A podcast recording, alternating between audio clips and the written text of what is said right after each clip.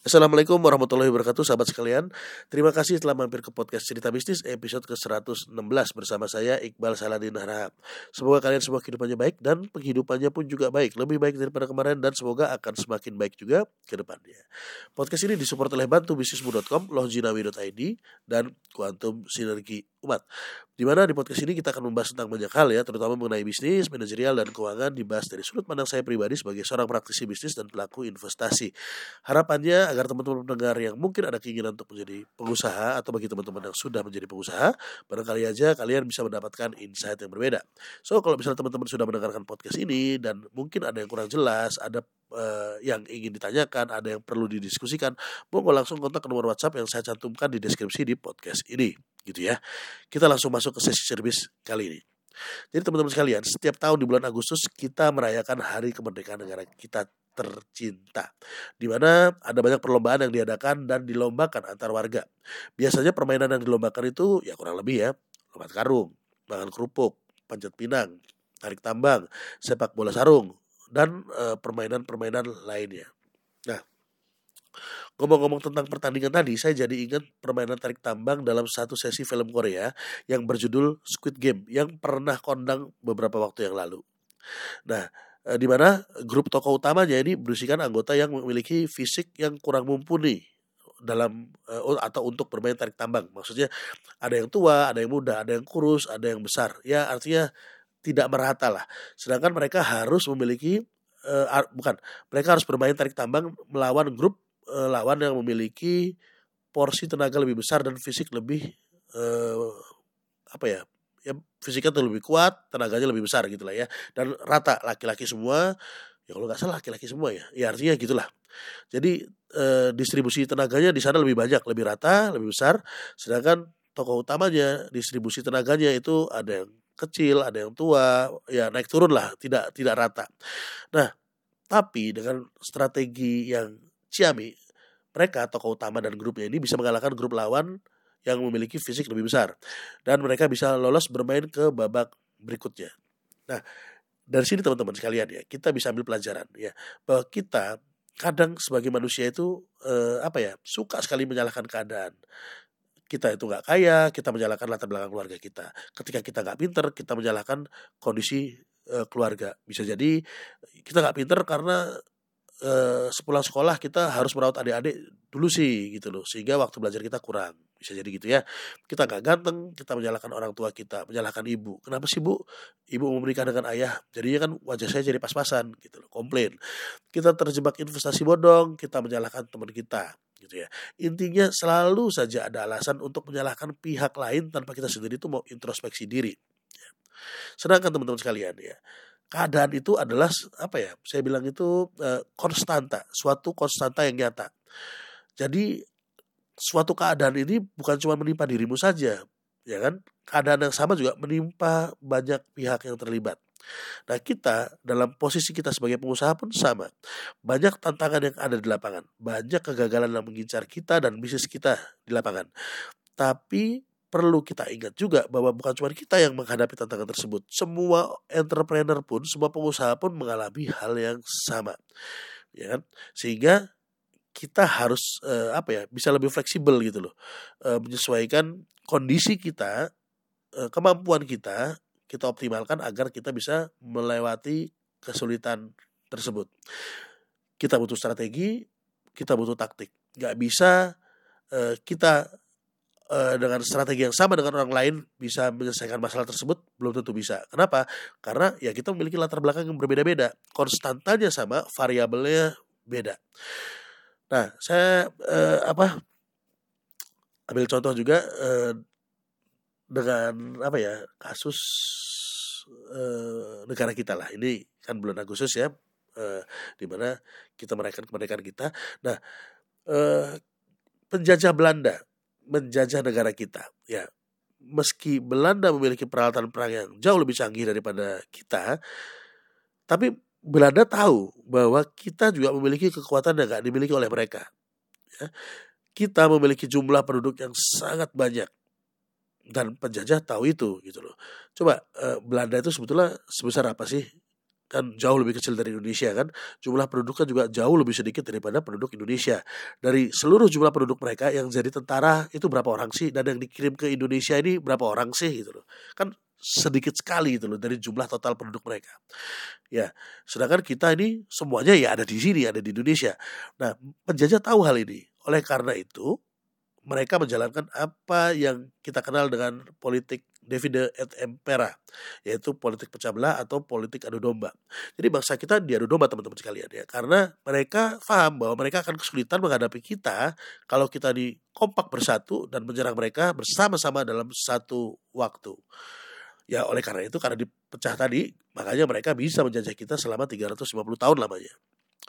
Lalu ada pertanyaan gini,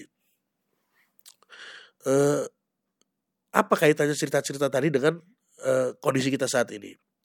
Jadi gini teman-teman sekalian ya, saya ingin menggambarkan uh, kepada teman-teman sekalian bahwa permasalahan itu akan selalu ada, ya.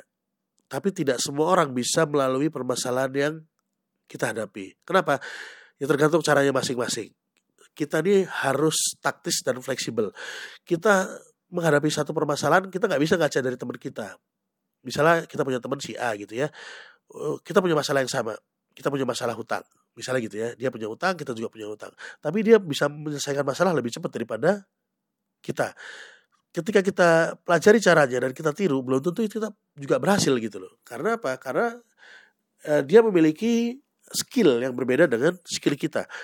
Sehingga uh, kalau menurut saya dalam memecahkan suatu masalah itu kita harus menyesuaikan dengan kemampuan kita. Kita punya kemampuan apa sih? Coba kita tabulasi dulu dan kita optimalkan gitu loh jadi kita menyelesaikan masalah dengan versi kita sendiri.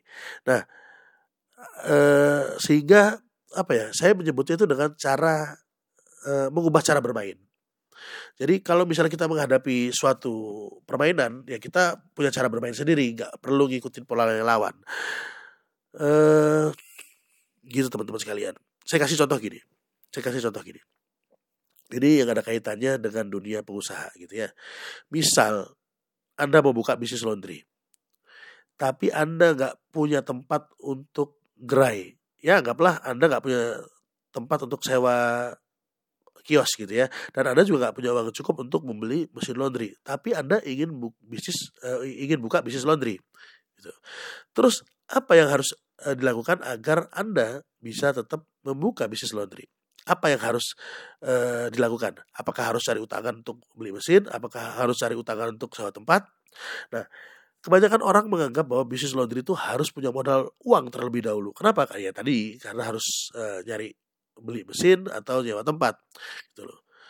Padahal berapa sih modal yang perlu diadakan untuk membuat gerai laundry? Gitu loh. Untuk membuat bisnis laundry?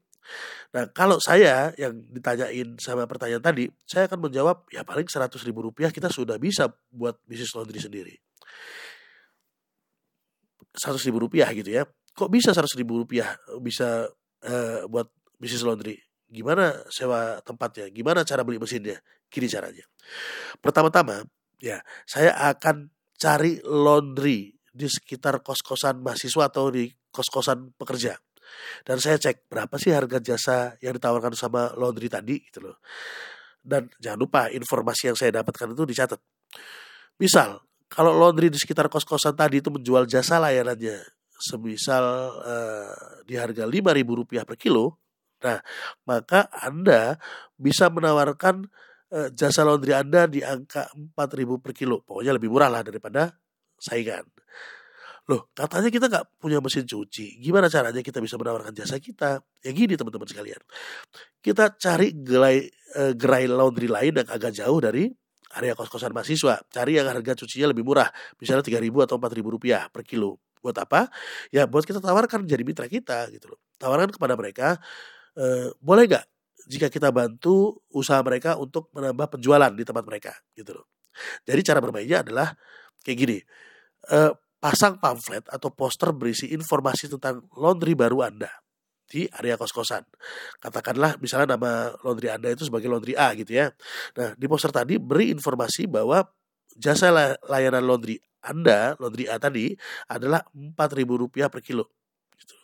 Dan baju kotor uh, konsumen itu bisa dijemput dan diantar kembali. Nah, nanti baju kotor yang kita sudah ambil tadi itu kita bawa ke laundry mitra kita gitu loh untuk kita cuci di sana yang tadi harganya cuma tiga ribu atau empat ribu rupiah. Nah kalau di laundry mitra kita misalnya kita sebut saja laundry B gitu ya jasanya itu di angka tiga ribu rupiah maka anda bisa untung seribu rupiah per kilo. Kalau jasanya di angka empat ribu rupiah maka anda perlu melakukan tawar menawar. Boleh nggak kalau misalnya jasanya gitu kita bantu jualkan tapi kita minta harga kemitraan gitu harga mitra jadi tiga ribu rupiah sehingga tetap kita bisa jual di angka empat ribu rupiah dan tetap ada keuntungan bagi kita itu seribu rupiah per kilo gitu. Jadi di sini Anda nggak perlu sewa tempat, Anda nggak perlu punya mesin cuci, Anda nggak perlu gaji karyawan, tapi Anda sudah bisa memiliki usaha laundry sendiri. Jadi nggak ada alasan bahwa saya nggak punya uang, gitu loh. Saya nggak punya kesempatan. Semuanya ada tersedia asal kita mau membaca peluang ter tersebut gitu ya. Nah, jadi sepakat ya bahwa strategi itu penting. Optimalkan apa yang kita miliki, cari cara bagaimana kita bisa memenangkan permainan dengan apa yang kita miliki meskipun lawan memiliki fasilitas yang jauh lebih kuat dan lebih lengkap. Dengan memiliki strategi, maka kita akan mampu mengubah cara bermain. Kita akan memiliki pola permainan sendiri dan tidak terjebak mengikuti pola permainan lawan ya. Dan dengan mengubah cara bermain, kita bisa mengubah hasil akhir permainan. Dalam bisnis mengubah cara bermain, kita bisa memenangkan persaingan melawan kompetitor kita. Gitu ya, jadi teman-teman sekalian ya. Nah mungkin demikian tentang servis singkat episode kali ini. Monggo kalau misalnya uh, saya ngomong kurang jelas atau lompat-lompat, ada yang ingin tanyakan bisa sharing di nomor WhatsApp yang saya cantumkan di deskripsi di podcast ini. Semoga bermanfaat buat teman-teman pendengar, terutama buat saya sendiri sebagai pengingat diri. Saya cabut dulu, sampai jumpa di episode cerbis berikutnya. Assalamualaikum warahmatullahi wabarakatuh.